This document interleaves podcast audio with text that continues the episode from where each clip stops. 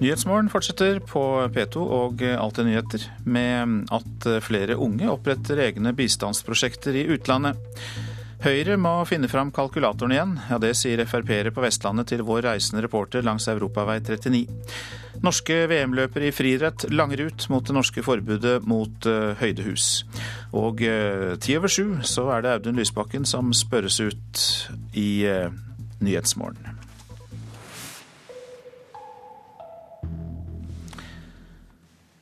Nye brønner i Tanzania, gatefester i Manila og leker til barnehjem i Brasil. Det er stikkord for at flere ungdommer enn tidligere starter bistandsprosjekter i utlandet som de driver selv. Men det bekymrer de profesjonelle i bransjen. De mener de unge ikke kan nok til å hjelpe på egen hånd. 23 år gamle Marianne Haugvik har nettopp syklet gjennom hele Norge og samlet inn penger til et fotballag i Kenya.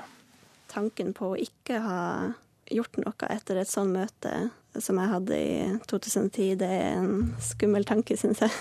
Det var på en folkehøyskoletur til Nairobi-slummen i Kenya Marianne kom i kontakt med fotballaget for kvinner. Jeg spilte sjøl fotball, og møtte nå et fotballag som var et av Kenyas beste, men de hadde ingen av de forutsetningene jeg trodde måtte være til stede for å bli en god fotballspiller, var til stede i deres liv. De hadde kun råd til ett måltid om dagen, de hadde helt nedslitte fotballsko eller joggesko, og de ja, hadde ikke råd til å ha vann med på trening. Så Marianne bestemte seg for å hjelpe laget med utstyr.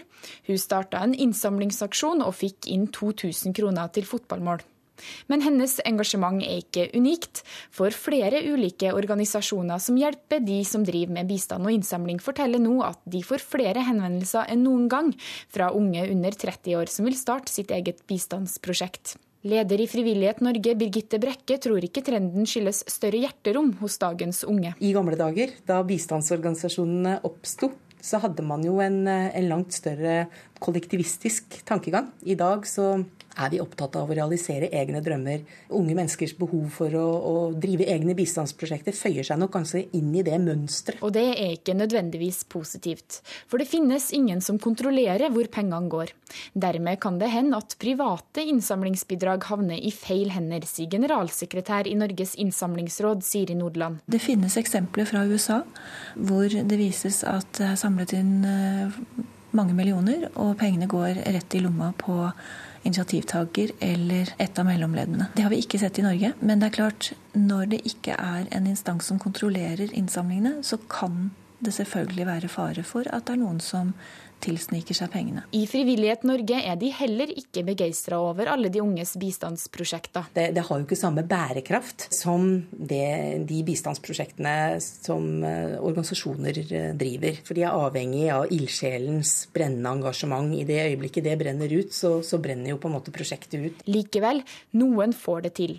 Etter tre år er Marianne litt stivere i sykkelmusklene, og engasjementet det har vokst i takt med donasjonene. Nå har vi fått inn snart 1,2 millioner, og målet var 2000 til de fotballmålene. Nå har jo vi vært nede og besøkt dem eh, flere ganger, så vi ser jo at, eh, at utstyret er kommet frem og er i bruk. og og så ser man at husene står ferdig og snart barnehagen, og vi har kunnet hjelpe de på veien til å realisere sine håp og drømmer.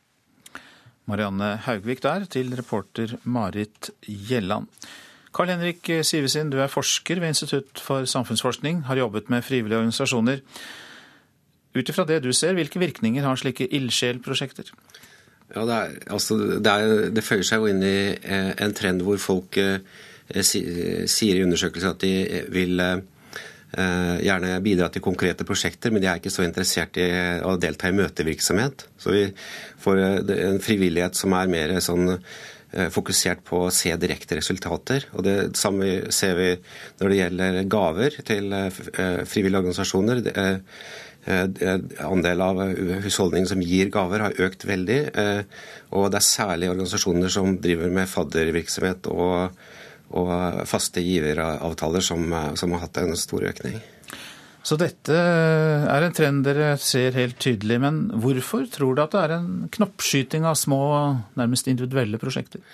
Ja, det, det, minner jo om disse misjonærene som reiste ut i gamle dager. da, men, Og de også reiste ut eh, kanskje ikke med så mye kunnskap og, og, og, og forutsetninger, og, gjorde en del feil. slik at det, det, men, men, det jeg tenker er at det er viktig at de frivillige organisasjonene fanger opp dette engasjementet, slik at det ikke blir slik enkeltstående som, som står med alene.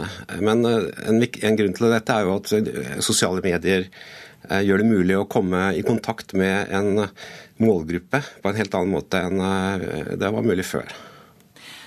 At noen av disse små prosjektene mislykkes, eh, det er vel ikke til å unngå. Men er det likevel bra, syns du, at noen kanskje klarer det og kommer seg gjennom det og lykkes? Ja, jeg har veldig stor beundring for dette engasjementet, og det er veldig viktig at, at unge tar Eh, initiativ og, og, og, kanskje finner nye måter å gjøre ting på. da. Men samtidig så, så uh, har bistandsorganisasjonene uh, de har profesjonelle normer, de har erfaringer og de har gjort mange feil opp gjennom årene. Og, og de, de, vet også kanskje uh, hvordan man skal få mest effekt ut av midlene.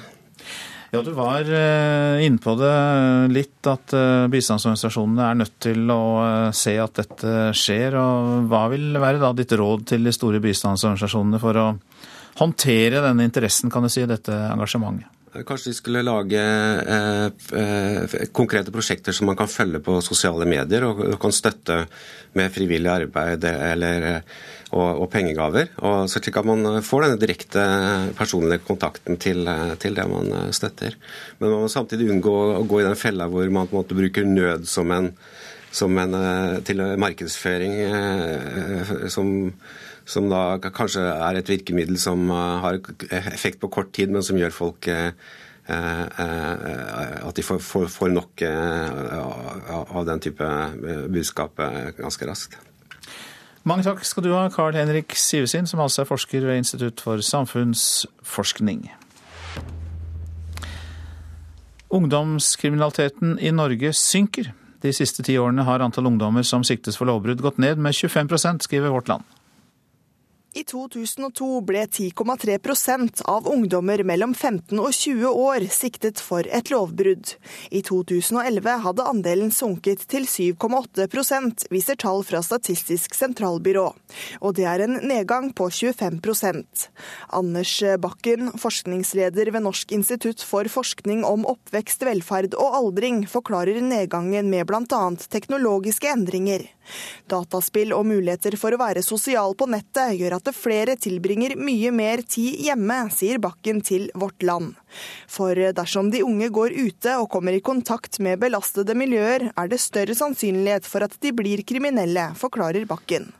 Jannicke Møller Andersen orienterte. Høyre må finne fram kalkulatoren igjen og regne på hvor lønnsomt det kan bli å droppe bompenger på en ny ferjefri europavei 39. Ja, det mener Frp på Vestlandet. NRK reiser denne uken langs hovedveien langs vestlandskysten. Og i dag stopper vi i Mortavika nord for Stavanger.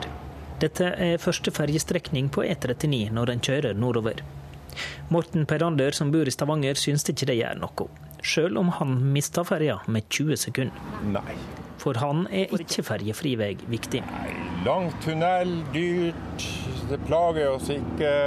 Men hverdagen til yrkessjåføren i nabofila ville blitt bedre uten ferje. Du kan jo kjøre akkurat når det passer deg og slippe å tenke på disse ferjene hele veien.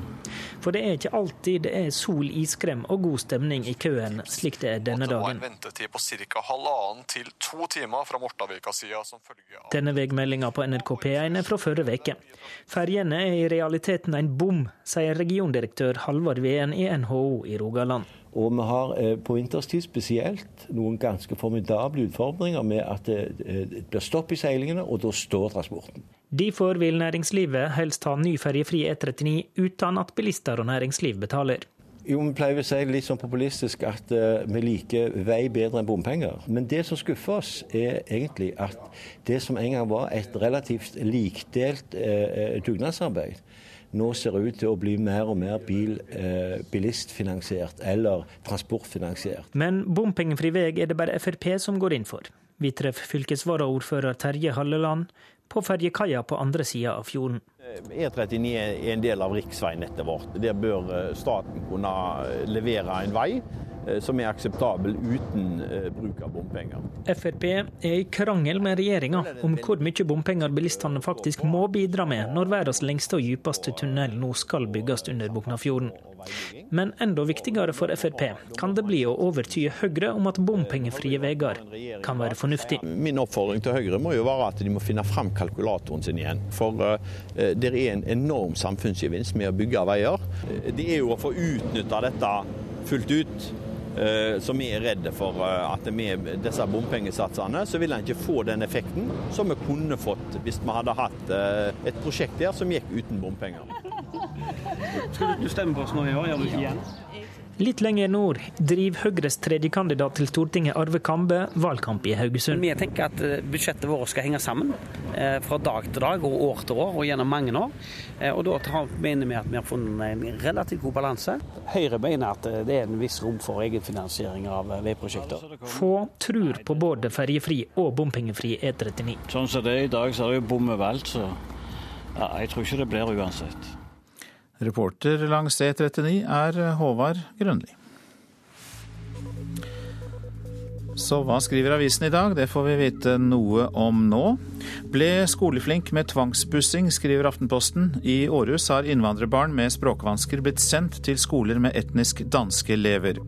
Flertallet av disse innvandrerbarna fikk stor framgang i dansk språk. Norge er dårligst på vertskap, skriver Klassekampen. Få norske familier tar imot utenlandske studenter. Organisasjonen Youth for Understanding sliter med å finne vertsfamilier. Tar folk væpnet med kniv daglig, skriver Bergens Tidende. Politiet i Hordaland har beslaglagt 200 kniver hittil i år, og problemet er økende. Antall voksne bør skjønne hvor farlig kniv er, sier rettsmedisiner til avisa. Den overgrepstiltalte i Asker ble etterforsket for seksuell omgang med mindreårige også i 2010, skriver VG. Politiet ønsket da å tiltale mannen, men fikk nei fra riksadvokat og statsadvokat. Giftig oppgjør, ondsinnet og brønnpissing, ja det er stikkord fra intervjuer Dagsavisen har gjort om boka til tidligere Arbeiderparti-statsråd Grete Knutsen. Boka er ubehagelig for partiet, men vil neppe endre valgutfallet, tror valgforsker.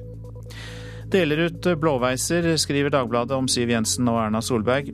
Trøbbelsaker mellom de blå-blå er innvandring, bompenger, handlingsregelen, skatt, egenandeler og eldreomsorg, skriver avisa. De rød-grønne kan gå mot et historisk svakt valg i bastionene Hedmark og Oppland, skriver Nasjonen. Senterpartiets nestleder Trygve Slagsvold Vedum må kjempe for sitt mandat fra Hedmark. Storm mot Stormberg, det er oppslaget i Dagens Næringsliv. Sjefen for turtøykjeden, Steinar Olsen, beskyldes av flere forhandlere for å ha stukket kjepper i hjulene for dem. Vi har opptrådt ryddig, svarer Olsen. Kinesiske turister fikk et blodig møte med Flåmsbana, forteller Bergensavisen. Løse tenner, hevelser, blåmerker og hjernerystelse ble resultatet da toget kjørte idet turistene var i ferd med å gå av. NSB beklager og gjennomfører intern gransking. En halv million kroner brukte Sør-Trøndelag fylkeskommune på å ta bilder av de ansatte til sin, på, til sin interne internettside. En kostnad langt utenfor fornuften, sier professor i markedsføring. Henrik Ingebrigtsen og de andre norske VM-løperne i friidrett langer ut mot det norske forbudet mot høydehus. De vil ha like vilkår med sine argeste konkurrenter, og nå vil forbundet ta opp høydehussaken på idrettstinget. Altså, det er jo ikke like gale som, som EPO, men det er jo som om noen får lov til å dope seg og noen får ikke. Altså, for det er jo en fordel med det. Uh, altså, det er jo opplest og vedtatt. Hvorfor skal ikke lille Norge, eller hvorfor skal ikke oss i Norge ha det samme, samme som andre? da? Det, det syns jeg er veldig det er urettferdig, rett og slett. VM-løperne Henrik Ingebrigtsen og Karoline Bjerkeli Grøvdal er oppgitt over at Norge som eneste land har forbud mot høydehus. Verdens beste langdistanseløper Mo Farah benytter kunstig høyde systematisk i sitt suksessopplegg. Det samme gjør en rekke andre toppløpere. Nå vil de norske løperne konkurrere på like vilkår med konkurrentene i framtiden. Det kan være forskjellen på eh, gull og femteplass i OL, f.eks absolutt så har det en veldig stor fordel. Så jeg syns det er veldig egentlig utrolig teit at ikke vi kan ha det. Derfor jobber Friidrettsforbundet aktivt sammen med andre forbund for å få opphevet høydehusforbudet, forteller visepresident Tore Hordenes. Det er idrettstinget som har vedtatt regel om forbud mot høydehus i Norge, og det er der den må avgjøres. Så Da er det på det kommende idrettstinget den saken vil bli tatt opp, og det vil nok Friidrettsforbundet gjøre sammen med en del andre forbund. Verken Bjerkeli Grøvdal eller hennes trener Knut Jæger Hansen er i tvil om hva de vil gjøre hvis de får frie tøyler. Hva ville du gjort hvis det ble tillatt? Da ville jeg hatt ei leilighet i Oslo. Nei, Hvis det hadde vært tillatt, så, så ville jeg nok ha anbefalt å bruke det på de aller, aller beste. I hvert fall fra 1500 oppover. Og reporter var Jan Post. Dette er Nyhetsmorgen, dette er hovedsakene. Flere unge enn noen gang før oppretter egne bistandsprosjekter i utlandet. Men bistandsbransjen er bekymret over at de unge ikke kan nok til å hjelpe på egen hånd. Ungdomskriminaliteten i Norge er blitt mindre. På ti år har antall ungdom som siktes for lovbrudd sunket med 25 Og En indisk ubåt som ligger til havn i Mumbai har begynt å brenne etter en eksplosjon om bord. Det er uklart hva som har skjedd med mannskapet på 18.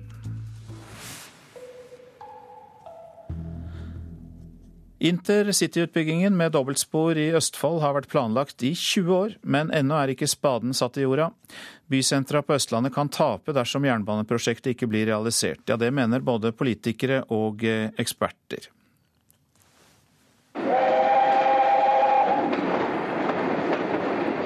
Dobbeltspor på jernbanen i hele intercitytriangelet på Østlandet vil være til fordel både for pendlere og for miljøet.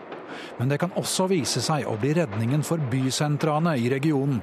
Det sier konsulent Tor Homleit i Vista Analyse. Jeg tror veldig mange av bykommunene i Østfold og Vestfold er bekymra for at bysentrene deres taper i konkurransen mot E18 eh, e og E6-aksene. Altså, det fører til at det blir mindre handel i sentrum og mindre altså arbeidsplasser. Og boliger i sentrum skaper liv, og det livet det utarmes gradvis i flere av disse byene. Homleid sier at mens E18 har blitt bygget ut i Østfold og Vestfold de siste årene, har biltrafikken økt, mens toget har tapt markedsandeler både inn mot Oslo og mellom byene i de to fylkene.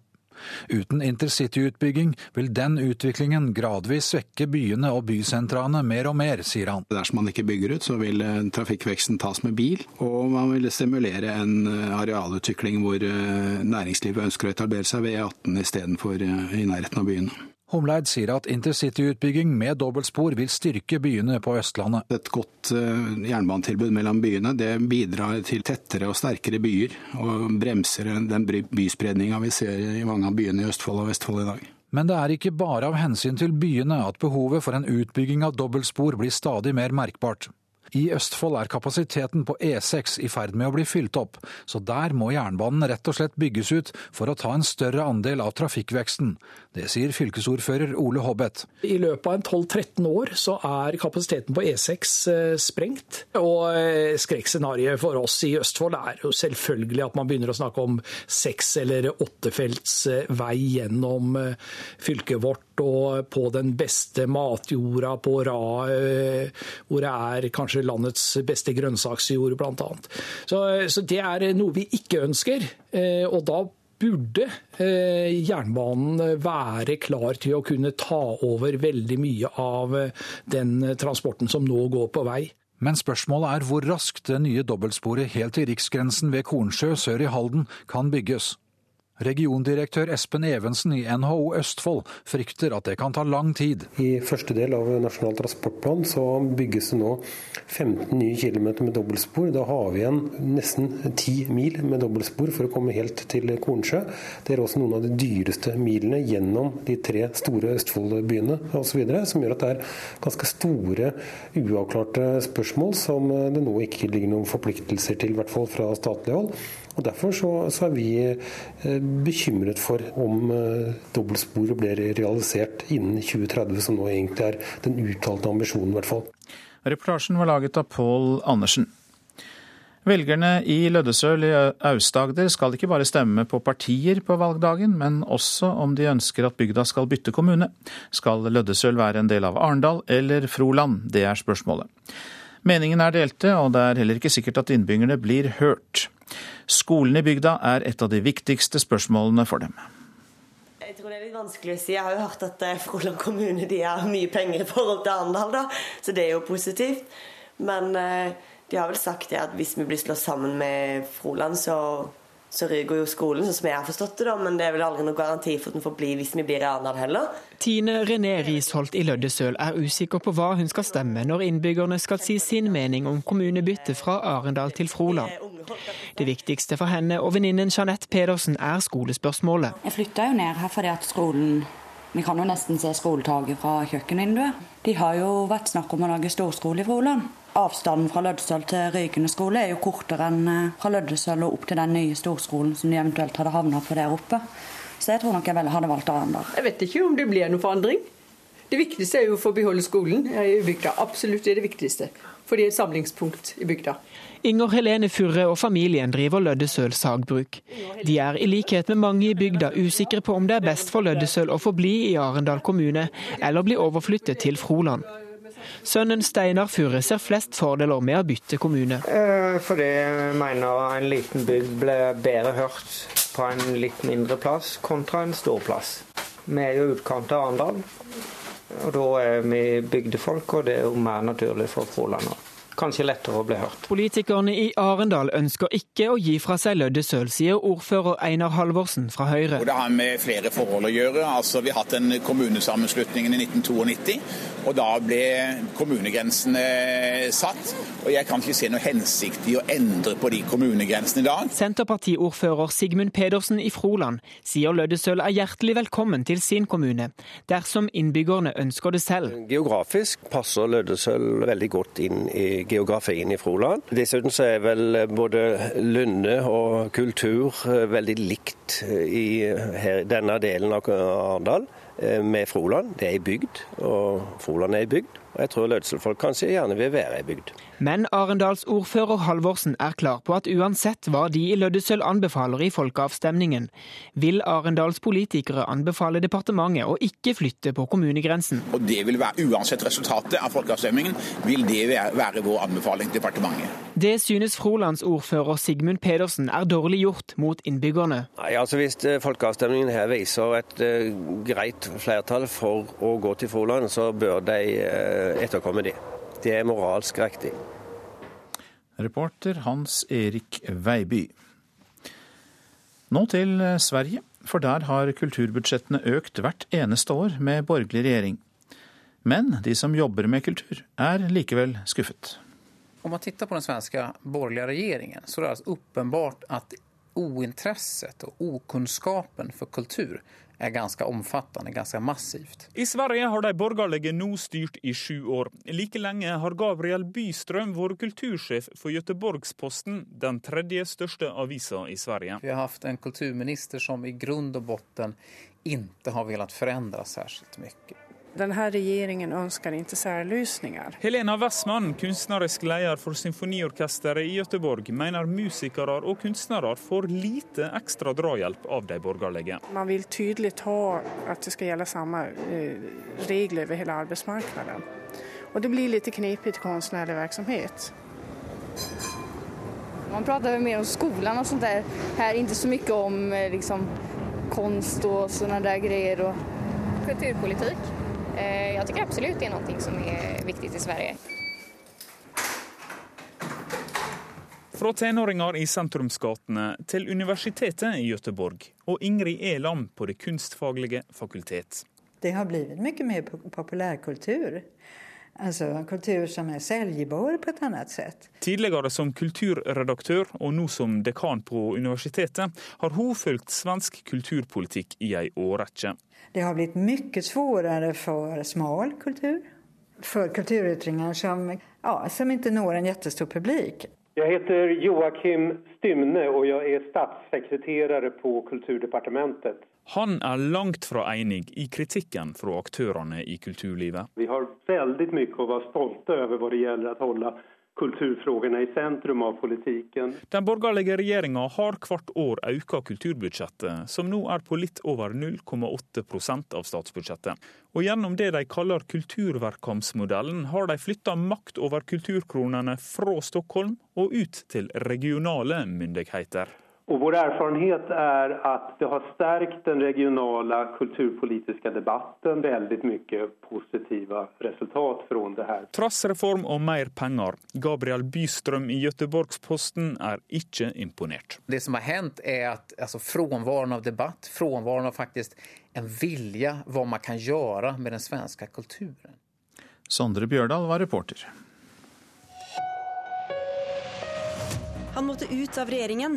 Nå kjemper Audun Lysbakken for stortingsplass og for SVs politiske liv. Det vi nå står overfor er et stort og viktig privatiseringsvalg i Norge.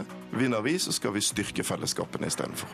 Partilederutspørringen onsdag morgen på NRK P2, NRK1 og nrk.no klokka ti over sju. Og det er ganske snart, men først været. Fjellet i Sør-Norge skiftende skydekke, perioder med pent vær, mest sol i vest. Østlandet og Telemark først på dagen enkelte regnbyger, vesentlig øst for Oslo. Ellers, ellers stort sett opphold og perioder med pent vær. Agder, Rogaland, Hordaland og Sogn og Fjordane stort sett pent vær. Møre og Romsdal spredte regnbyger først på dagen, fra i ettermiddag for det meste pent. Trøndelag enkelte regnbyger, fra i ettermiddag opphold.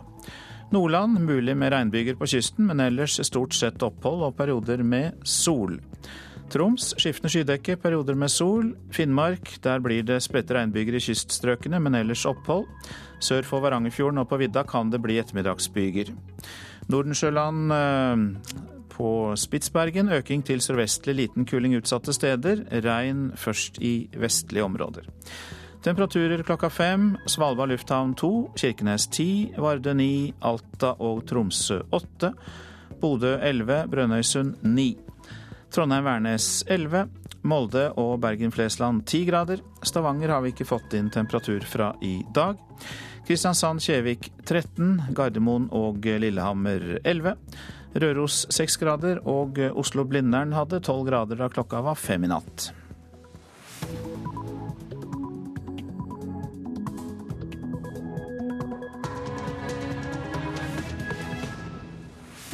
Dette er P2s Nyhetsmorgen. Partilederutspørringen av SV-leder Audun Lysbakken kan det høre snart, ti over sju. Men før utspørringen så får vi høre mer om kritikken mot SV fra partiets ungdomsorganisasjon. Og som vi hørte, i Dagsnytt, som vi hørte om i Dagsnytt, og vi skal også høre om mislykket integrering. For tiltak for å få flyktninger i jobb og utdanning koster 7 milliarder kroner i året. Resultatet av dette tiltaket de siste årene er derimot at færre kommer i jobb enn tidligere. Belal Omar kom fra Gaza for fire år siden. Han har heller ikke fått jobb. Hver gang jeg går til Nav eller går for å spørre om støtte, det er, det er veldig vanskelig. Han har søkt over 80 jobber de siste to månedene. Nylig avsluttet Belal Omar introduksjonsprogrammet for flyktninger. En lovfestet rett og plikt som gir fulltids opplæring i norsk og yrkespraksis over to år.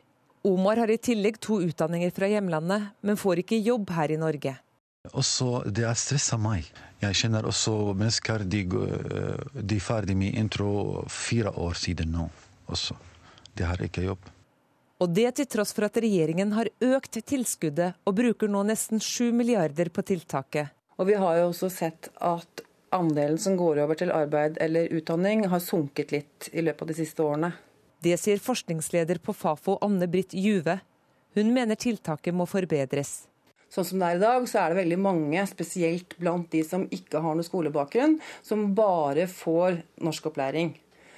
Og de har også ganske lav progresjon. Det tar veldig lang tid for dem å lære seg norsk. Og da kan det være eh, hensiktsmessig å sette i verk også noen andre typer kvalifisering før det har gått to år og de har brukt opp tiden sin i program. Ahmad Ghanizade fra SV er statssekretær for inkluderingssaker.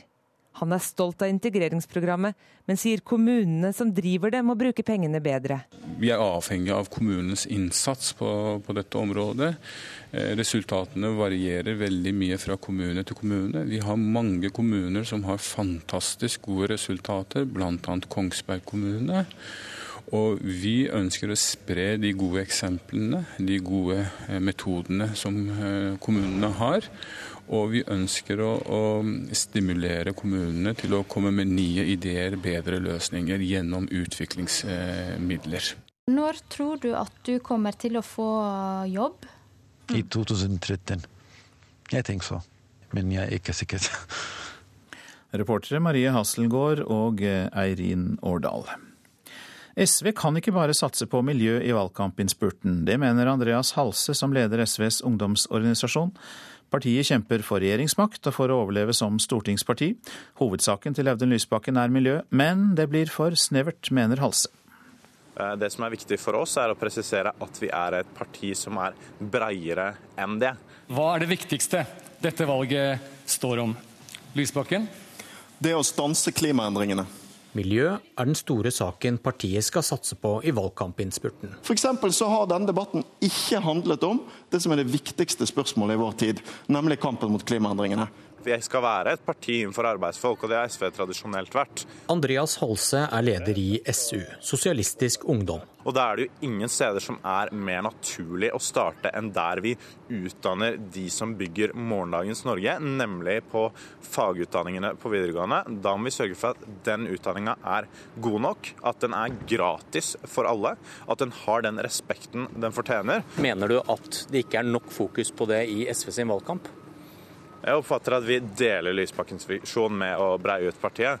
Men så er det jo sånn at vi er, ungdom, er et ungdomsparti og kanskje er litt mer utålmodige enn det Moderpartiet er. Derfor tar vi nå skritt for å utfordre i valgkampinnspurten, eh, for å breie ut på flere saker. I dag starter SU valgkampen med å utfordre moderpartiet. SV sliter og må satse på arbeidsfolk for å vinne valget. Halse vil ha 50 millioner kroner til yrkesfag, fordi SU mener det er dyrere på enkelte utdanninger enn det som dekkes av stipender i dag. Nå trenger vi et nytt krafttak for yrkesfagene som vi går til valg på i SU.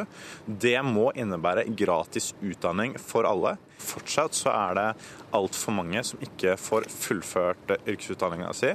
Det er eh, ikke nok som velger yrkesfag. Vi er avhengig av veldig mange flere på yrkesfag hvis det landet her skal gå rundt i framtida. Og fortsatt så er det for mange elever som har store utgifter i forbindelse med utdanninga si. Reporter Bjørn Myklebust. Israel har løslatt 26 palestinske fanger fra israelske fengsler. Løslatelsen er en del av en avtale i forbindelse med fredssamtalene mellom Israel og Palestina.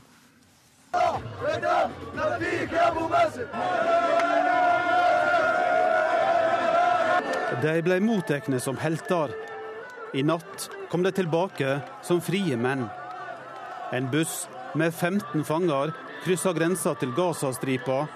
En annen kjørte inn til Ramallah på Vestbredda med elleve fanger om bord. President Mahmoud Abbas var blant de første som ønsket dem velkommen.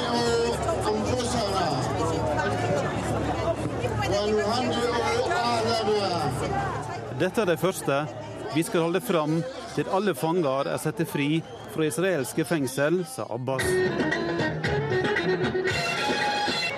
Jublende slektninger, sterke gledesscener. Noen av dem har ikke sett sine kjære på over 20 år. Fangene har alle sittet fengsla i årevis. De er dømte for angrep mot israelske mål før 1993. Frigivinga av de 26 fangene kom altså i natt, bare timer før nye fredsforhandlinger mellom Israel og Palestina skal starte. Forhandlingene har kommet i stand etter press fra den amerikanske utenriksministeren John Kerry. Israel har lova å sette fri i alt 104 palestinske fanger.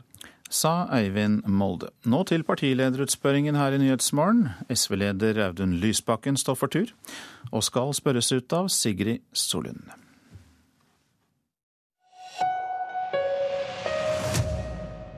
Velkommen til partilederutspørring, Audun Lysbakken. Tusen takk. En av de viktigste sakene for SV er en mer liberal asyl- og innvandringspolitikk. I fjor ga Norge opphold til rundt 7000 flyktninger og asylsøkere. Hvor mange flere vil dere ta imot? Vi kan ikke tallfeste det, for det er avgjørende for hvor mange flyktninger vi bør ta imot. Det er situasjonen ute i verden. Derfor så reagerer jeg veldig på de som vil eh, stramme inn, sette mål om at det skal være færrest mulig. For vår politikk den må avhenge av hva slags behov mennesker har. Det aller viktigste for oss er at vi ønsker en rausere politikk overfor barn. Vi har sørget for at flere asylbarn har fått bli i Norge.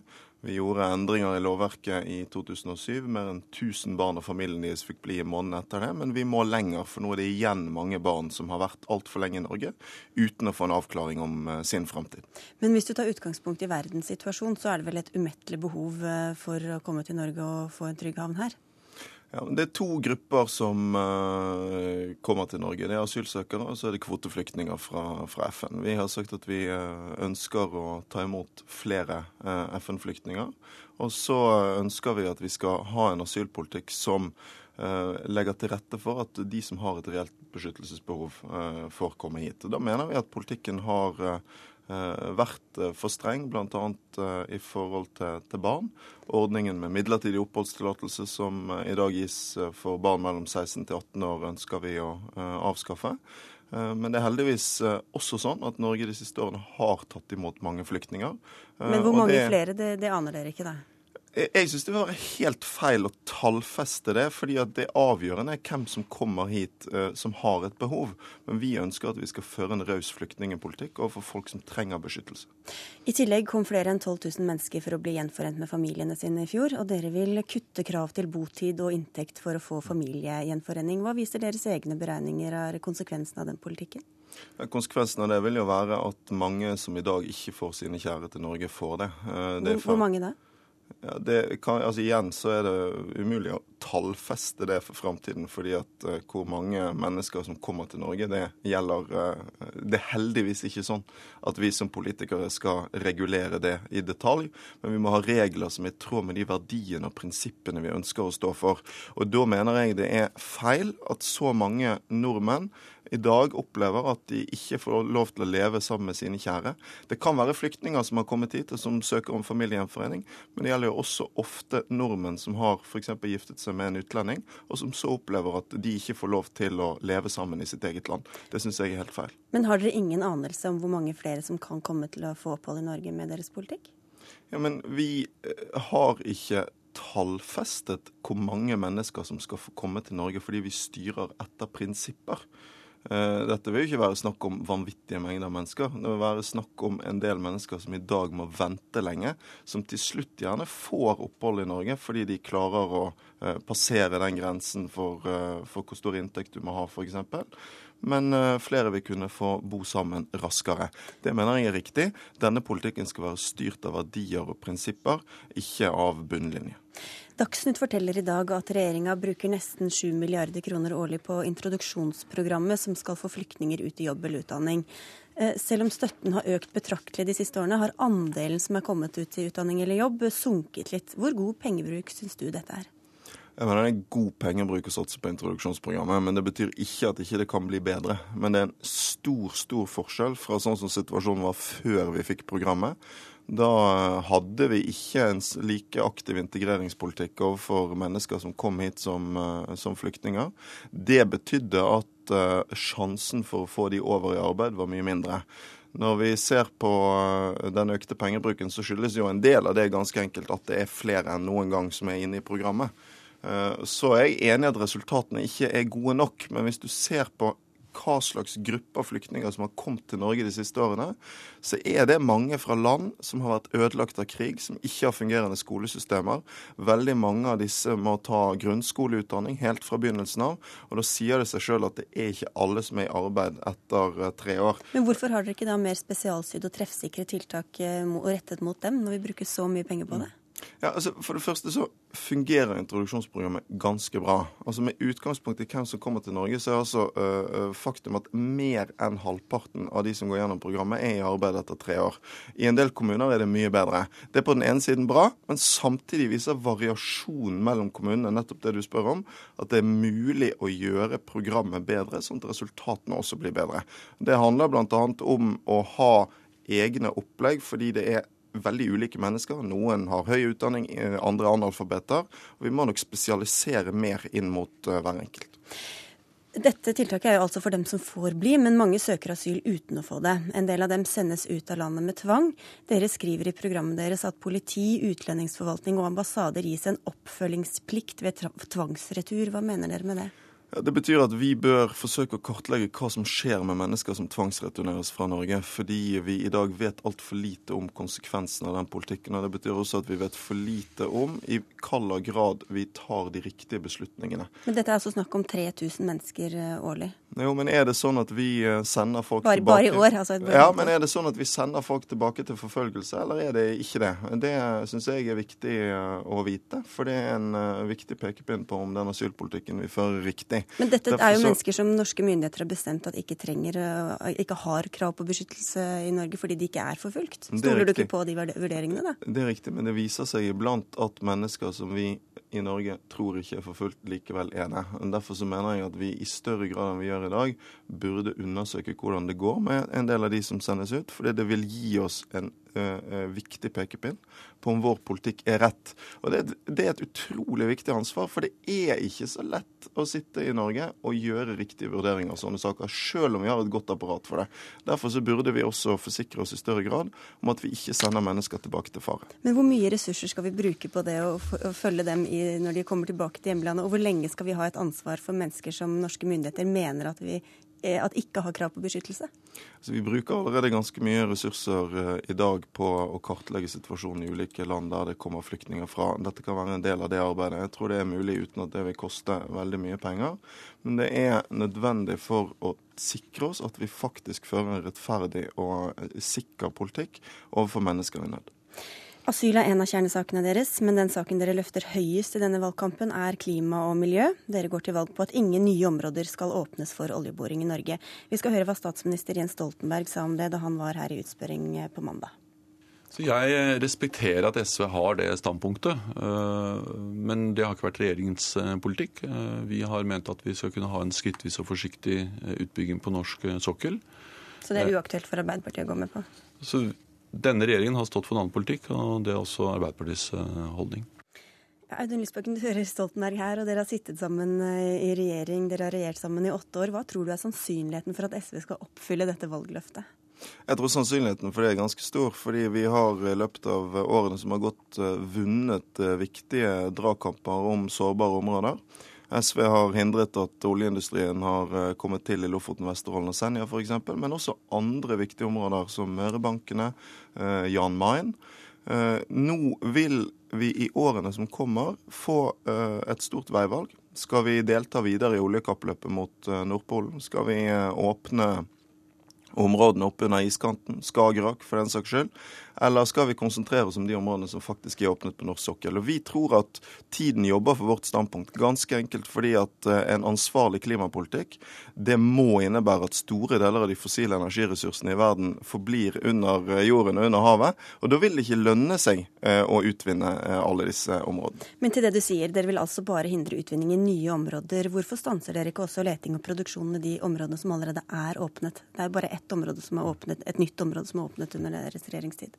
Det aller viktigste vi kan gjøre, eh, og som min generasjon politikere må sørge for, det er å være ansvarlig overfor de som kommer etter oss. Og da er ansvarlighet overfor klimaet enda viktigere enn det som pleier å være det store trumfkortet i norsk politikk, økonomisk ansvarlighet. Vi må være begge deler. Og da, eh, da betyr det at eh, vi må holde oss innenfor togradersmålet. Det vi har foreslått, er at vi i tillegg til dagens økonomiske handlingsregel skal ha en klimahandlingsregel som sier at vi må føre en oljepolitikk som er sånn at hvis alle land hadde gjort det samme som Norge, så når vi togradersmålet og unngår katastrofal global oppvarming. Og det betyr at vi kan utvinne en del olje og gass i Norge, men vi kan ikke åpne nye områder. Men dere, som du nevnte, Lofoten og Vesterålen og Senja, at dere holdt det oljefritt, nå, dere ofte snakker om. Men dere snakker ikke så ofte om at dere i regjering har bidratt til rekordmange letetillatelser for olje og gass i andre områder. Hvorfor ikke? Ja, nå er Det sånn at hvis vi ser på, det er riktig at investeringene har økt, men oljeproduksjonen har faktisk falt de siste årene. Og eh, Hovedbildet er altså at vi eh, med den politikken vi foreslår, den klimahandlingsregelen vi foreslår, og det å slutte å eh, åpne nye områder, så kan vi ha en oljepolitikk som er innenfor togradersmålet. Det betyr ikke at alle eh, tillatelser som er gitt de siste årene, har vært fornuftige. Eh, og Det er ganske enkelt sånn at det har vært uenighet om miljø- og oljepolitikken de rød-grønne partiene imellom. Men vi har prioritert de viktigste slagene, og vi har vunnet de. Eh, og det er helt nødvendig hvis vi skal vinne miljøseier at noen sitter rundt bordet og også er villig til å inngå noen kompromisser. Jeg mener vi har prioritert riktig. For både SV og miljøbevegelsen så har f.eks. Lofoten, Vesterålen og Senja og Mørebankene vært eh, aller viktigst. Dere skriver i programmet at dere heller vil utnytte eksisterende felt enn å åpne nye. Hvorfor vil dere det når det både ofte er mer klimavennlig og samfunnsøkonomisk lønnsomt å åpne nye felt der det krever mindre energi å hente opp oljen og gassen?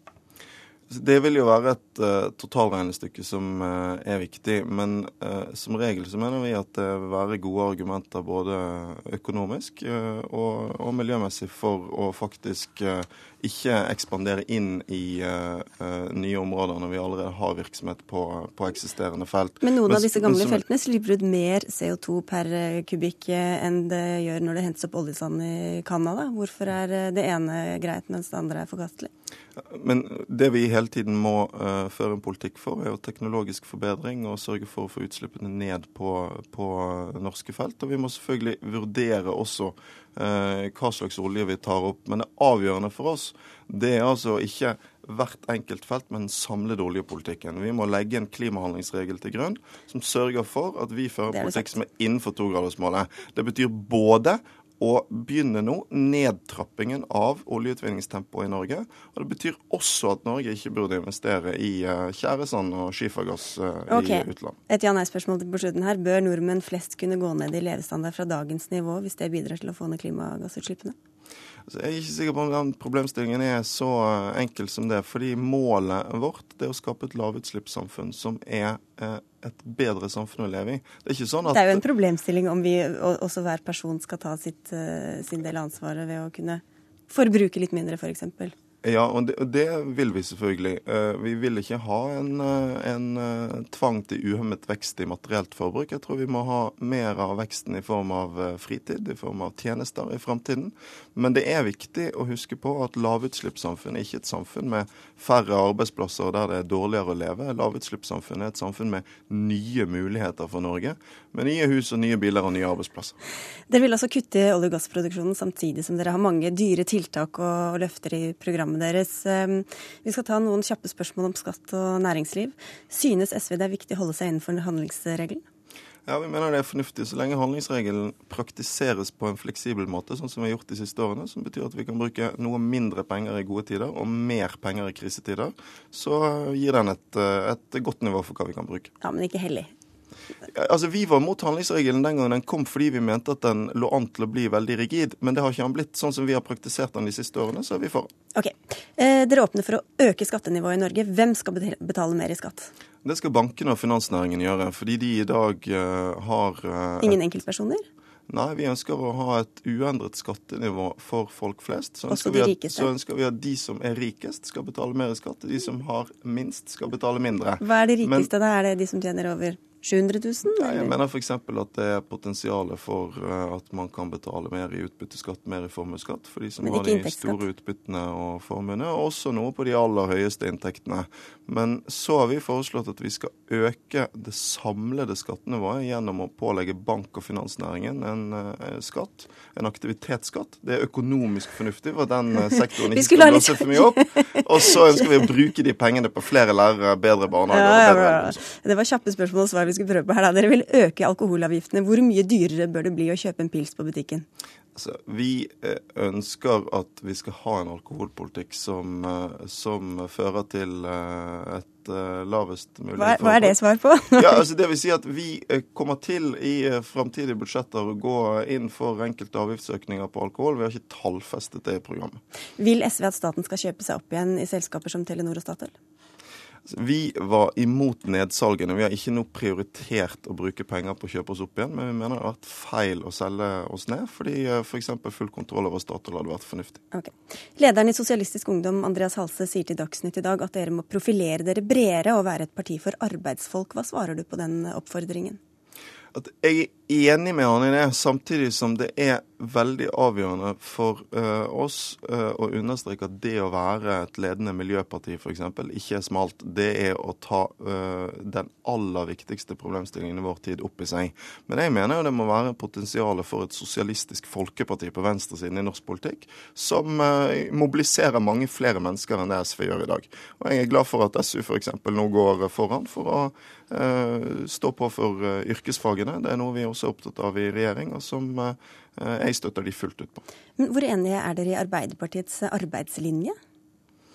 Vi ønsker en arbeidslinje med en klype salt. Eh, det betyr at målet alltid må være å få eh, flere i jobb. Veien ut av fattigdom er arbeid. Men vi er uenige med Arbeiderpartiet når det gjelder en del spørsmål om ytelser for de aller fattigste i Norge. Dere vil øke sosialsettelsen ja, og Vi ønsker en nasjonal standard for uh, sosialhjelp, rett og slett fordi vi ikke tror noe på at folk kommer uh, over i arbeid ved å være fattige. Og vi syns at uh, noen av ytelsene som i dag er i landets kommuner, er uakseptabelt lave. Hvor mange, hvordan skal man da stimuleres til å gå ut i jobb?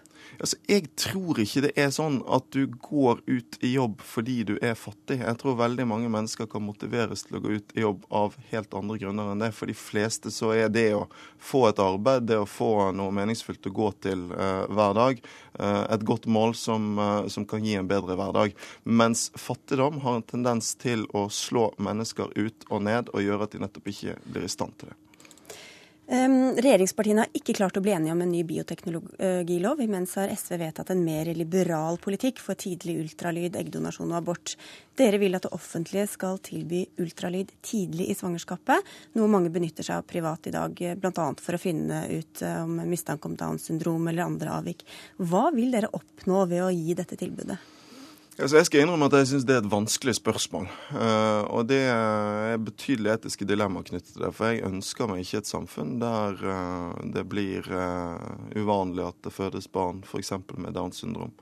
Eh, det har vi sett i Danmark, eh, og en sånn utvikling ønsker vi ikke i Norge. Samtidig så er tidlig ultralyd lovlig i Norge. Det er ingen partier som foreslår så vidt jeg vet, å Her er det snakk om å gjøre det offentlig. Eh, ja, da, Men da mener jeg at når det først er tilgjengelig, så bør vi sørge for at det ikke er hvor du bor, eller om du kan betale for tilbudet som avgjør om du kan benytte deg av det. Men vi er veldig opptatt av at det ikke skal være sånn at kvinner kalles inn til tidlig ultralyd, at helsevesenet oppfordrer til å ta det. Eh, og vi eh, har stilt klare betingelser for å gå med på tidlig ultralyd, nemlig at det skal bli et bedre oppfølging i helsevesenet av de som uh, har et uh, foster og ønsker å bære fram et barn som har f.eks. utviklingshemming eller alvorlige funksjonshemming. Men hvorfor skal du prioritere å bruke penger på det når, når, det ikke har noen spesiell helsemessig gevinst for fosteret eller den gravide å ta det så tidlig? Altså, noen mener jo at det kan ha det i forhold til å avsløre en del, en del lidelser som kan være alvorlige for barn eller mor. Uh, Nasjonalt det, kunnskapssenter for helsetjenesten fant ingen dokumentasjon for at dette hadde en uh, gevinst. Nei, jeg har sett at det er en diskusjon. Det, men, men, det avgjørende for oss er at når vi først har gjort dette tilgjengelig i Norge uh, og det, den, den, diskusjonen blir litt merkelig noen ganger, for det høres ut som dette nå er forbudt, og så skal det gjøres lovlig. Men det er tilgjengelig. Men det er ikke likt tilgjengelig for alle kvinner. Det ønsker vi at det skal være, det mener vi er prinsipielt riktig. Samtidig så ønsker vi at staten ikke skal spille en rolle som oppfordrer til det, fordi vi må uh, gi uh, norske familier det klare signal at barn med funksjonshemminger, barn med utviklingshemming, skal være svært velkommen og ønsket i Norge. Dette er altså i tillegg til at dere vil gi eggdonasjon og utvide abortgrensen til selvbestemt abort til 16 uker. Hvor er det blitt av den gamle SV som hadde en restriktiv linje i disse spørsmålene? Altså, vi er forsiktige når det gjelder bioteknologi. Men vi må balansere likestillingshensyn og, eh, og, en forsiktighet i omgangen med ny teknologi. Men ofte så kan altså de etiske dilemmaene ved ikke å ta teknologien i bruk være like stor. Når det gjelder eggdonasjon, så mener jeg at uh, dilemmaene ved det er vesentlig mindre enn ved tidlig ultralyd. Audun Lysbakken, eh, takk skal du ha for at du kom til eh, denne utspørringen. Du skal få en sjanse til å skaffe deg noen eh, nye velgere ettersom dere sliter på målingene. Når du nå møter lyttere og lesere på nrk.no, hvor denne sendingen også kan ses og høres når det måtte passe. Den går også i reprise på NRK1 ti over tolv i ettermiddag og i nedklippet versjon på P1 før klokka ni. Takk skal du ha, Audun Lysbakken. Tusen takk. Og fredag er vi tilbake. Da er det Kristelig Folkepartis Knut Arild Hareide som kommer. Tekniker for sendinga i dag var Guri Hertzberg Finnsveen. Vaktsjef er Karoline Rugeldal. Og jeg heter Sigrid Solund.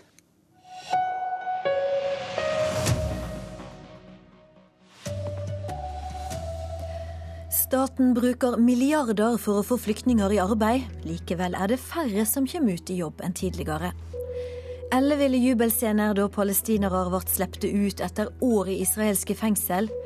Og norske friidrettsutøvere langer ut mot høgdehusforbudet. God morgen, her er NRK Dagsnytt klokka 7.30. Regjeringa bruker nesten 7 milliarder kroner i år på ett tiltak for å få flyktninger i jobb og i utdanning. Likevel er det færre flyktninger som kommer i jobb enn før.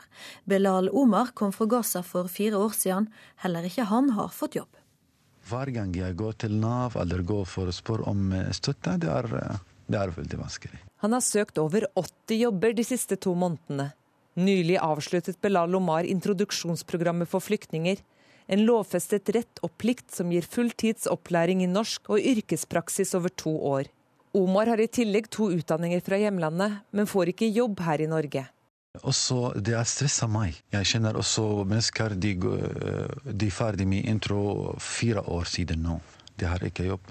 Og det til tross for at regjeringen har økt tilskuddet og bruker nå nesten 7 milliarder på tiltaket. Og vi har jo også sett at andelen som går over til arbeid eller utdanning, har sunket litt i løpet av de siste årene. Det sier forskningsleder på Fafo Anne Britt Juve. Hun mener tiltaket må forbedres. Sånn som det er i dag, så er det veldig mange, spesielt blant de som ikke har noe skolebakgrunn, som bare får norskopplæring. Eh, og de har også ganske lav progresjon. Det tar veldig lang tid for dem å lære seg norsk. Og da kan det være eh, hensiktsmessig å sette i verk også noen andre typer kvalifisering før det har gått to år og de har brukt opp tiden sin i program. Ahmad Ghanizade fra SV er statssekretær for inkluderingssaker. Han er stolt av integreringsprogrammet, men sier kommunene som driver det, må bruke pengene bedre. Det kan være at de ikke gir fulltidsprogram. Det kan være at eh, programmet deres er eh, lite arbeidsrettet. Så måten de arbeider på, er veldig viktig. Reportere Maria Hasselgaard og Eirin Årdal. Israel har sett fri 26 palestinske fanger fra israelske fengsel. Frigjevinga er en del av en avtale i forkant av de planlagde fredssamtalene mellom Israel og Palestina, som starter i dag.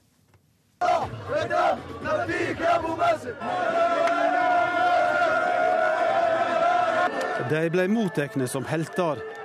I natt kom de tilbake som frie menn. En buss med 15 fanger kryssa grensa til Gazastripa.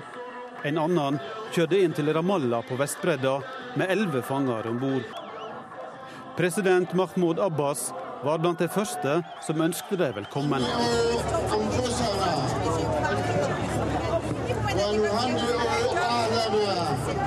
Dette er det første. Vi skal holde fram til alle fanger er satt fri fra israelske fengsel, sa Abbas. Jublende slektninger, sterke gledesscener.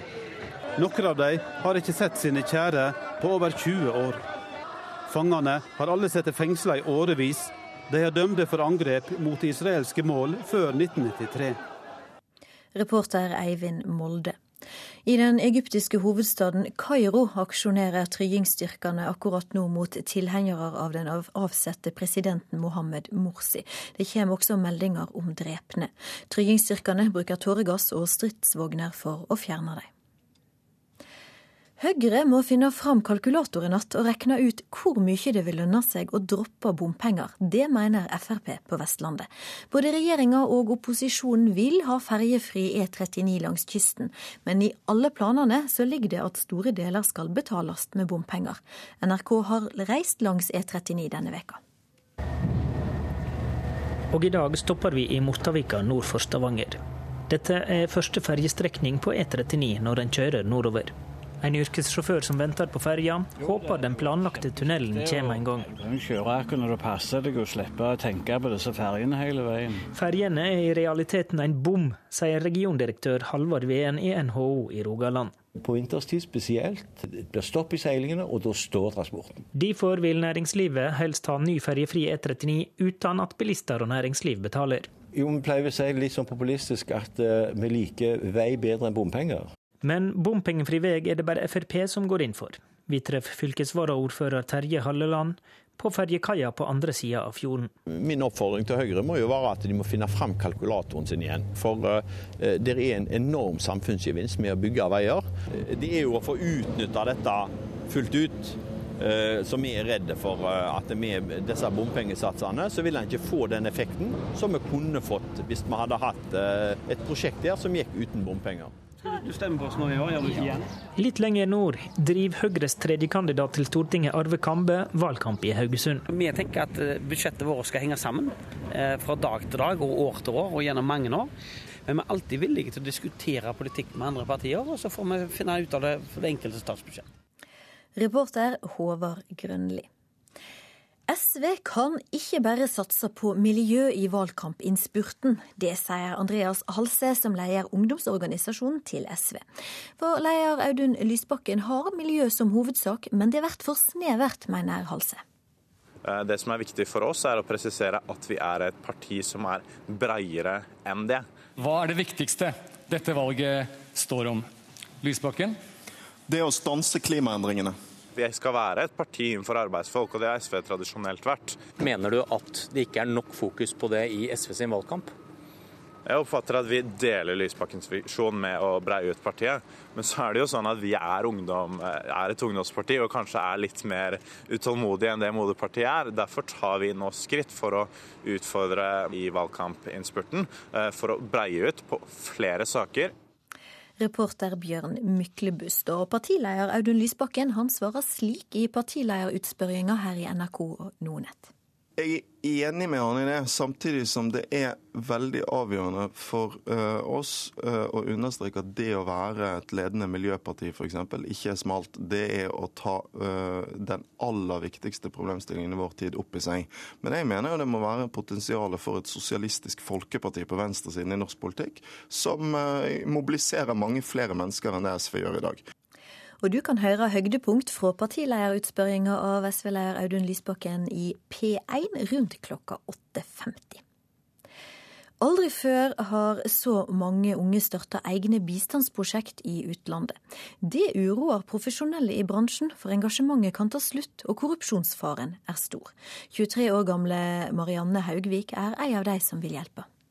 De bodde i slummen, de hadde kun råd til ett måltid om dagen, de hadde helt nedslitte fotballsko eller joggesko, og de ja, hadde ikke råd til å ha vann med på trening. I 2010 var Marianne Haugvik på tur til Kenya med Folkehøgskolen og møtte et fotballag som ikke hadde helt de samme forutsetningene som hennes eget lag i Alta. De siste tre årene har hun brukt mye tid og samla inn over én million kroner til laget. Flere unge enn noen gang gjør som Marianne etter å ha reist til utlandet. Og selv om det kan gå bra, er ikke leder i Frivillighet Norge, Birgitte Brekke, spesielt glad for trenden. Det, det har jo ikke samme bærekraft som de bistandsprosjektene som uh, organisasjoner uh, driver. De blir sårbare, for de er avhengig av ildsjelens brennende engasjement. I det øyeblikket det brenner ut, så, så brenner jo på en måte prosjektet ut. Også leder i Norges innsamlingsråd, Siri Nodland, er skeptisk. Hun mener korrupsjonsfaren er større fordi ingen kontrollerer om pengene de unge samler inn, når fram. Det finnes eksempler fra USA hvor det vises at det er samlet inn eh, mange millioner, og pengene går rett i lomma på initiativtaker eller et av mellomleddene. Det har vi ikke sett i Norge. Men det er klart, når det ikke er en instans som kontrollerer innsamlingene, så kan det selvfølgelig være fare for at det er noen som tilsniker seg pengene. Takk. Reporter Marit Gjelland. Henrik Ingebrigtsen og de andre norske VM-løperne i friidrett langer ut mot det norske forbudet mot høgdehus. Det er jo som om noen får lov til å dope seg, og noen får ikke. Altså, for Det er jo en fordel med det. Hvorfor skal ikke oss i Norge ha det samme, samme som andre? da? Det, det syns jeg er veldig det er urettferdig, rett og slett. VM-løperne Henrik Ingebrigtsen og Caroline Bjerkeli Grøvdal er oppgitt over at Norge som eneste land har forbud mot høydehus. Verdens beste langdistanseløper Mo Farah benytter kunstig høyde systematisk i sitt suksessopplegg. Det samme gjør en rekke andre toppløpere. Det kan være forskjellen på eh, gull og femteplass i OL, f.eks. Derfor jobber Friidrettsforbundet aktivt sammen med andre forbund for å få opphevet høydehusforbudet, forteller visepresident Tore Hordenes. Det er idrettstinget som har vedtatt regel om eh, forbud mot høydehus i Norge, og det er der den må avgjøres. Så Da er det på det kommende idrettstinget den saken vil bli tatt opp, og det vil nok Friidrettsforbundet gjøre sammen med en del andre forbund. Reporter Jan Post, NRK Dagsnytt, Ragnhild Bjørge.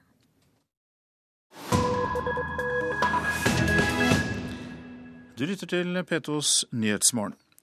I New York har en domstol bestemt at politiets praksis med å kontrollere folk uten spesiell grunn er en form for rasediskriminering. Nesten 90% av dem som blir stanset, er nemlig svarte eller latinamerikanere. New Yorks borgermester sier at kontrollene er helt nødvendige, og at dommen kommer til å bli anket.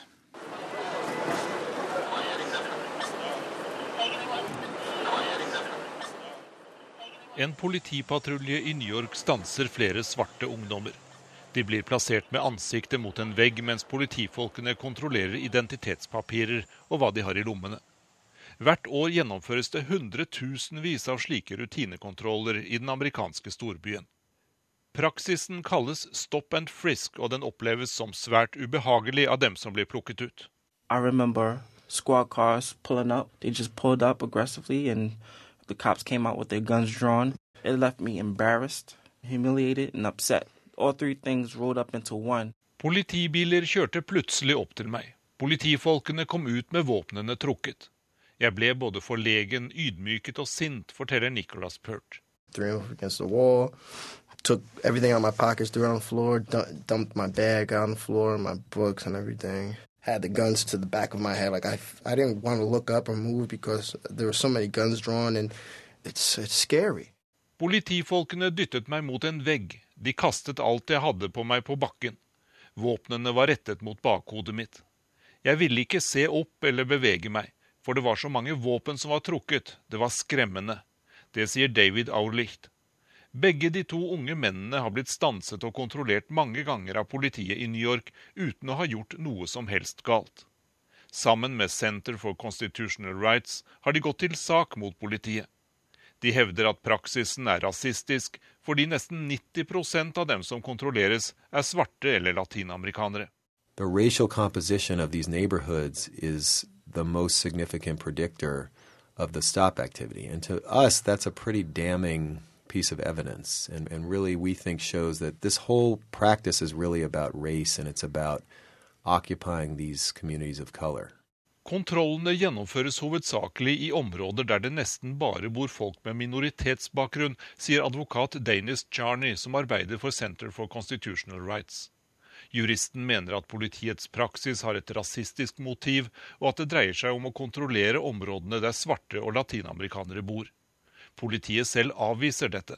Last year we had the lowest number of murders that we've had in, in 50 years, lowest numbers of shooting. Something is going right here. I fjor hadde New York det laveste antallet mord på 50 år, og det laveste antallet skyteepisoder. Så vi gjør noe riktig, sier politimester Ray Kelly.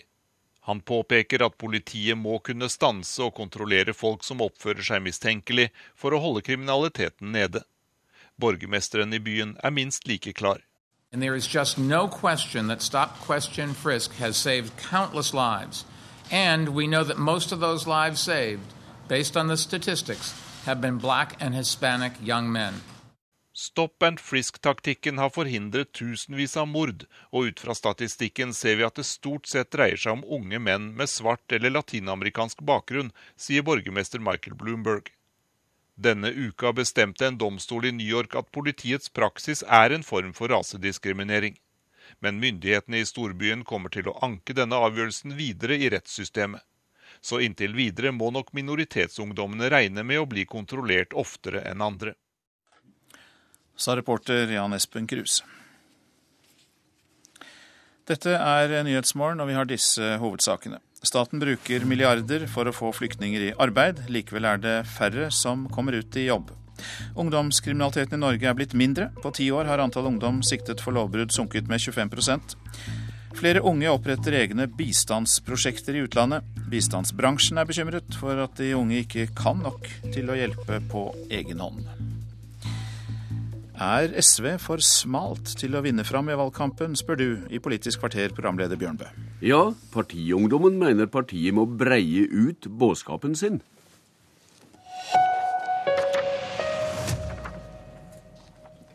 SV må syne fram mer, større, mer, og større politisk bredde i valgkampen. Det har vi hørt lederen i ungdomspartiet SU, Andreas Halse, si i Nyhenda i dag. Hva må etter ditt syn, Halse, gjøres for å få partiet bort fra den farlige nærleiken til sperregrensa? La meg bare først si at jeg er veldig glad vi har eh, at jeg er med i et parti som tar klimakrisa på alvor. Og det er også grunnen til at vi nå eh, ønsker å løfte opp et av våre viktigste krav, som er et ungdomskort for 200 eh, kroner for buss og kollektivtransport i hele landet. Det handler om at løsningen på klimakrisen skal være å gjøre hverdagen lettere, ikke vanskeligere. Men så har vi også sagt at vi må være til stede på flere arenaer enn bare miljøarenaer for å nå ut til folk i det landet her. Og derfor løfter vi to eh, kampsaker til helt på slutten av den valgkampen her. Det handler om et nytt løft for yrkesfagene. Selv om det har blitt gjort eh, rekordmye med SV i regjering, så er det for mange som ikke fullfører. Det er for mange som har høye egenutgifter, og yrkesfagene har fortsatt ikke fått den respekten de fortjener. Og så handler det om kampen mot voldtekt som er noe som snakkes om hvert eneste år når det er store avisoverskrifter, men som aldri blir prioritert skikkelig i statsbudsjettene. Og da er vårt krav ganske enkelt at vi skal ha 100 millioner til uh, ulike tiltak for å bekjempe voldtekt og vold mot kvinner. Vi skal komme litt tilbake til de konkrete sakene i tillegg til klima, som er viktig for dere. Du også ser det? Ja da, klima er veldig, veldig viktig for oss. Og, og, vi tror at veldig mange av de beste løsningene for eh, samfunnet er tiltak som sikrer både klimaet og framtidige arbeidsplasser. Eh, på det allmenne planet. I dag har vi hørt partileder Audun Lysbakken i utspørring her i NRK. Hvordan er det han må ta seg sammen for å vinne fram i valgkampen, slik du ser det? Altså, jeg syns at Audun har hatt en veldig god start, og ved siden av Jens Stoltenberg gjorde en veldig god partilederdebatt. Men litt for snevert, har du sagt? Ja, altså det vi har sagt, er at vi skulle ønske at partiet nå i tillegg til miljø, eh, går viser fram bredere saker på slutten av valgkampen. Da har vi pekt på respekt for yrkesfag og kamp mot voldtekt som to konkrete saker. Du har sagt at SV har grunnlag som arbeidsfolksparti. Det er kanskje ikke overtydende sosiologisk grunnlag for å si at det er arbeidsfolk som er kjerna i velgerskaren deres? Ja, altså det har vært litt ulikt opp gjennom historien. Altså SV og SF er det eneste partiet som har hatt større andel arbeidervelgere enn det Arbeiderpartiet har hatt. Eh, og så tror jeg at er, når jeg er ute og snakker med folk eh, på arbeidsplassene i LO-forbundet osv., så, videre, så merker jeg at det er et stort potensial for et mm. parti mm. som står til venstre for Arbeiderpartiet, som har gode og solidariske svar på de problemene arbeidsfolk møter. Når det, når det, når det gjelder bredda, Halse, er det mer sykehus, eldreomsorg og jordbruk du etterlyser i valgkampen? Ja, altså Nå har vi pekt først og fremst på arbeidsliv som en konkret sak, hvor vi trenger et parti som tør å utfordre uh, den passive den passive holdninga man ofte har i forhold til direktiver som kommer fra Brussel, som tør å utfordre at i veldig mange bransjer, som bygg og anlegg f.eks., så har eh, faste ansettelser blitt utkonkurrert eh, i bytte med vikarbyråer, som tør å mm. ta tak i f.eks. boligkrisa, som mange ungdommer opplever nå, hvor det står tusenvis av kø utenfor, utenfor, hver eneste visning i de store byene. I dag skal det altså åpne dykkervalgkamp, som eh, du har sagt. I dag skal det slå et slag for yrkesfaga, har vi hørt du si. Mm. I hva grad tror du dette tenner arbeiderungdommen? Jeg tror at uh, veldig mange av de ungdommene som går på yrkesfag i dag, ønsker at samfunnet ser de bedre og tar de mer på alvor og gir de skikkelig respekt for den jobben de gjør. Fordi yrkesfagelever i Norge er halvparten av alle elever, men jeg syns ikke de får halvparten av oppmerksomheten eller halvparten av de bevilgningene som trengs. Høyre vil også gjerne slå et slag for yrkesfaget, og skylder regjeringa, og dermed SV, for å ha svikta. Leder i Unge Høyre, Paul Joakim Sandøy. Eh, hva eh, må gjøres etter ditt syn? Er du til dømes nøyd med det Halse har kommet med framlegg om i dag? Eh, jeg er ikke så uenig i så veldig mye av det, men eh, det er jo verdt å merke seg at SV har hatt ansvaret for yrkesfagpolitikken i åtte år nå. Eh, og en del av det Halse foreslår, hvis han mener at det er det viktigste i valget, og ikke bare en del av en, en breddestrategi, så burde han jo stemme Høyre. Mm. I 2010 så foreslo vi i Stortinget f.eks. et opplegg for mer relevant teori Eh, andre opplæringsløp enn 2 pluss 2-modellen, og at eh, fagfolk kunne få, få tilbud om eh, pedagogikk, sånn at de kunne lære bort i videregående. En masse forslag som ville gjort yrkesfagene mye bedre. Og det har SV stemt imot kom vi med ti nye forslag i 2012. SV stemte imot igjen. Så det mm. holder ikke å plutselig skulle være opptatt av yrkesfag når man kommer til valgkampen. Men jeg tror vi er enige om mye av problembeskrivelsen eh, for hva som, eh, hva som trengs når det kommer til yrkesfag. Men for å gjennomføre det, så tror jeg vi trenger en ny regjering. Så du er egentlig sammen med SU-lederen? I hvert fall enig i at man trenger mye mer praktisk, eh, praktisk på yrkesfag og mer relevant teori. Eh, vi vet at en, eh, en som går ja, elektriker, har ikke samme behovet for, for den samme matematikkundervisninga som f.eks. noen som går frisør. Og det å tilpasse det her til de ulike yrkene, det tror jeg er veldig bra. Mm. Men så er jo poenget at, at diagnosen i stor grad er riktig, og så kommer det Eh, litt sånn seint, i og med at man har åtte år med, med å gjøre noe eh, med det her. Halse, er det så trangt i norsk politikk at du og Unge Høyre egentlig tevler om de samme sakene?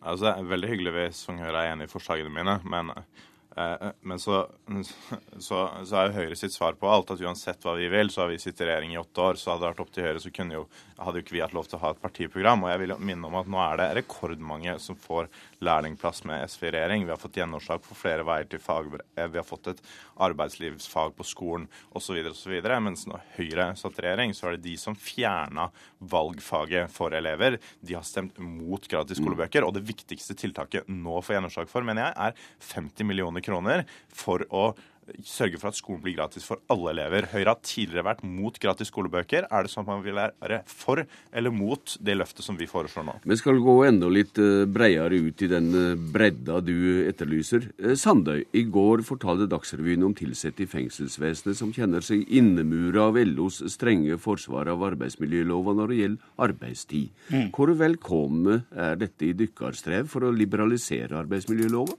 Jeg tror i hvert fall at det er et av mange eksempel som eh, viser at eh, arbeidsmiljøloven trenger å moderniseres. Eh, det er viktig med en, med en, god og trygg arbeidsmiljølov, men vi har jo sett ja, vi så dette eksempelet. Vi også vet at mange sykepleiere ønsker å kunne få, få lov til å velge mer, flere alternative turnusordninger. Og her, dette er jo et problem, for her har vi et SV som egentlig for kanskje en enda mer tungrodd arbeidsmiljølov, og et Arbeiderparti som har sagt at arbeidsmiljøloven er hellig. Så handler ikke dette om liksom et fullstendig frislipp, men det handler om å gjøre det litt enklere. sånn Dersom f.eks. ansatte ved et fengsel vil ha egne ordninger, så kan de få lov til det. Halse, i hva mon er liberalisering av arbeidsmiljølova en god idé når du skal kjempe din kamp for arbeidsfolks interesser, til dømes tilsatte i fengselsvesenet? Mm, jeg tror at det, eh, det Høyre ofte ikke skjønner når de snakker om arbeidsmiljølova, er at den per i dag er veldig fleksibel og LO-forbundene sentralt innvilger de aller fleste unntakssøknader når de skjer i samråd med klubben lokalt. Men det det her handler om for meg, er hvor eh, er det makta skal ligge.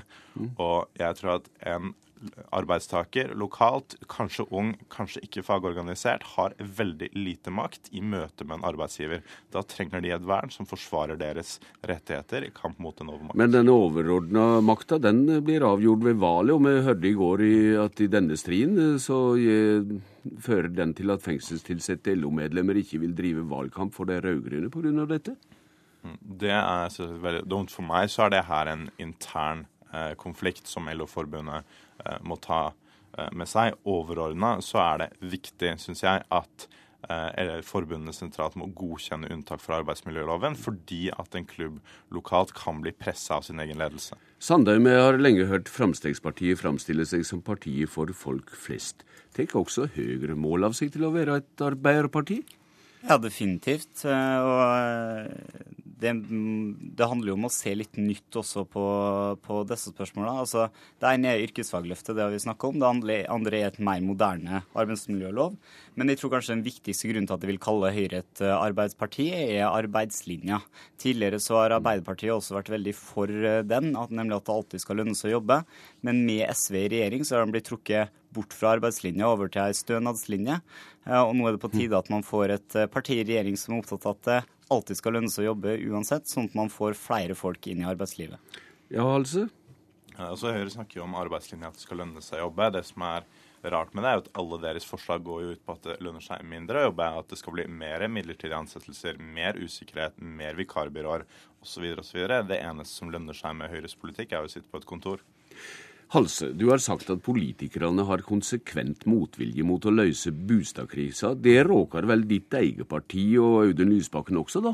Ja, altså jeg synes at Med det siste programmet som vi har vedtatt nå, så er vi det eneste partiet som tør å omfordele på boligmarkedet. Som har sagt at de som spekulerer i å leie ut rådyrt til studenter og ungdom, de skal betale litt mer skatt. Ikke av sin første bolig, men av bolig nummer to, mm. tre og fire. Og så bruker vi de pengene på å bygge ut flere boliger for folk flest. Det er et solidarisk svar. Det er alle de andre partiene som har sitt å svare for når de ikke ønsker å ta til året for den omfordelinga som trengs på boligmarkedet. Og ditt korte svar, Sandøy, er? At boligmarkedet trenger ikke mer politisk styring. Det har vi sett eh, før. Man trenger å gjøre det billigere å bygge flere boliger. Takk til dykk, Paul Joakim Sandøy og Andreas Halse. Politisk kommentator her i NRK, Trine Eilertsen. Da Audun Lysbakken kjempa for å bli leder i SV, var nettopp å synes større bredde i partiets politikk et viktig mål for ham? Hvordan har han praktisert dette, syns du, inn i valgkampen? Han har vist veldig tydelig at det er forskjell på valgkamp og landsmøte og programarbeid. Eh, valgkamp er å hente ut de sakene som er aller viktigst for kjernevelgerne, og prøve å få tak i de. I hvert fall der SV er nå. De har mistet så mange velgere, og de har kjempa en kamp mot sperregrensen og er nødt til å få tak i de som tradisjonelt har hatt SV som førstevalg. Og da går de på den viktigste saken der de kan skille seg fra Arbeiderpartiet, og det er klima og miljø. Ja, men nå er det slik at flere små partier som til dels kjemper mot sperregrensa, har nettopp klima høyt på dagsordenen. Hvordan er det mulig å tenke seg at dette er et saksfelt som kan hjelpe deg alle framover samstundes? Ja, SV kjemper på flere fronter og har fått en utfordrer i Miljøpartiet De Grønne som nok er sterkere enn en del som for seg for uh, ikke så veldig lenge siden. De gjør i hvert fall på noen målinger så gjør de det ganske bra og utgjør en reell trussel for SV i, i særlig i Oslo. Uh, men det som blir SV sin oppgave nå, det er jo også å markere at de er Miljøpartiet for venstresiden i mm. politikken. Eh, der Miljøpartiet sier at vi kan jobbe med begge sider, der Venstre sier at vi skal jobbe sammen med Høyre, så må SV overbevise om at de er venstresidens eh, alternativ. Og Da må de knytte miljøpolitikken sammen med en del andre problemstillinger, hvis eh, velgerne skal forstå hvorfor det er forskjell på de og de andre. Nå kommer da konkurrentene til SV med påpekinger av at SV kanskje har vunnet noen sigre når det gjelder klimapolitikken i regjering, men at den har til dømes vært med på å åpne Barentshavet. Og hva sier dette om realismen i mantraet om å la olje og gass bli liggende i grunnen? Akkurat der vi er nå, og når SV sitter i regjering med et Arbeiderparti som er så mye sterkere som de har gjort, så er det klart at de har tatt noen viktige seire. Men å se for seg at Arbeiderpartiet i nærmeste fremtid skal gå med på at oljen og gassen skal bli liggende under bakken og under havbunnen, det er ikke sannsynlig. Når det gjelder det store bildet, i hva mon kan en tenke seg at SV kan snu om og tjene på å breie ut saksfeltet sitt midt i valgkampen, slik ungdomspartiet snakker om? Jeg tror det er veldig farlig å skifte valgkampstrategi eh, så få uker eh, før eh, valget. Nå har SV lykkes på den måten at klima er blitt et tema, ikke minst fordi at Miljøpartiet utfordrer de. Og det var det ikke alle som så for seg før sommeren at det skulle bli. Så Sånn sett så er, har det viktige temaet for SV kommet på banen. og Hvis de nå begynner å, å, snakke om mange flere ting på en gang, så er det ikke sikkert at det er, er tiden å gjøre det på. Nei, og samstundes så er det kanskje vanskelig å sikre seg hegemoni og eierskap til saker også, til dømmes på klimasida. Ja, og klima er jo den saken der SV har det sterkeste sakseierskapet og, og, egentlig har en sterkere posisjon enn de andre. Det er SV og Venstre som har det. Eh, å begynne å, å, uthule den nå, særlig når de har den posisjonen de har og kjemper mot sperregrensen, det det er risikabelt. Så det blir spennende å se, for SV har veldig lite å tape og alt å vinne. Takk til deg i denne omgang, Trine Eilertsen. Politisk kvarter er slutt. Jeg heter Bjørn Bø. NRK gjør deg klar til valget. Vi spør partilederne hva de vil med Norge, og hvordan de skal få det til. På NRK P2 og nrk.no mandag, onsdag og fredag morgen klokka ti over sju, og med reprise på NRK P1 før ni.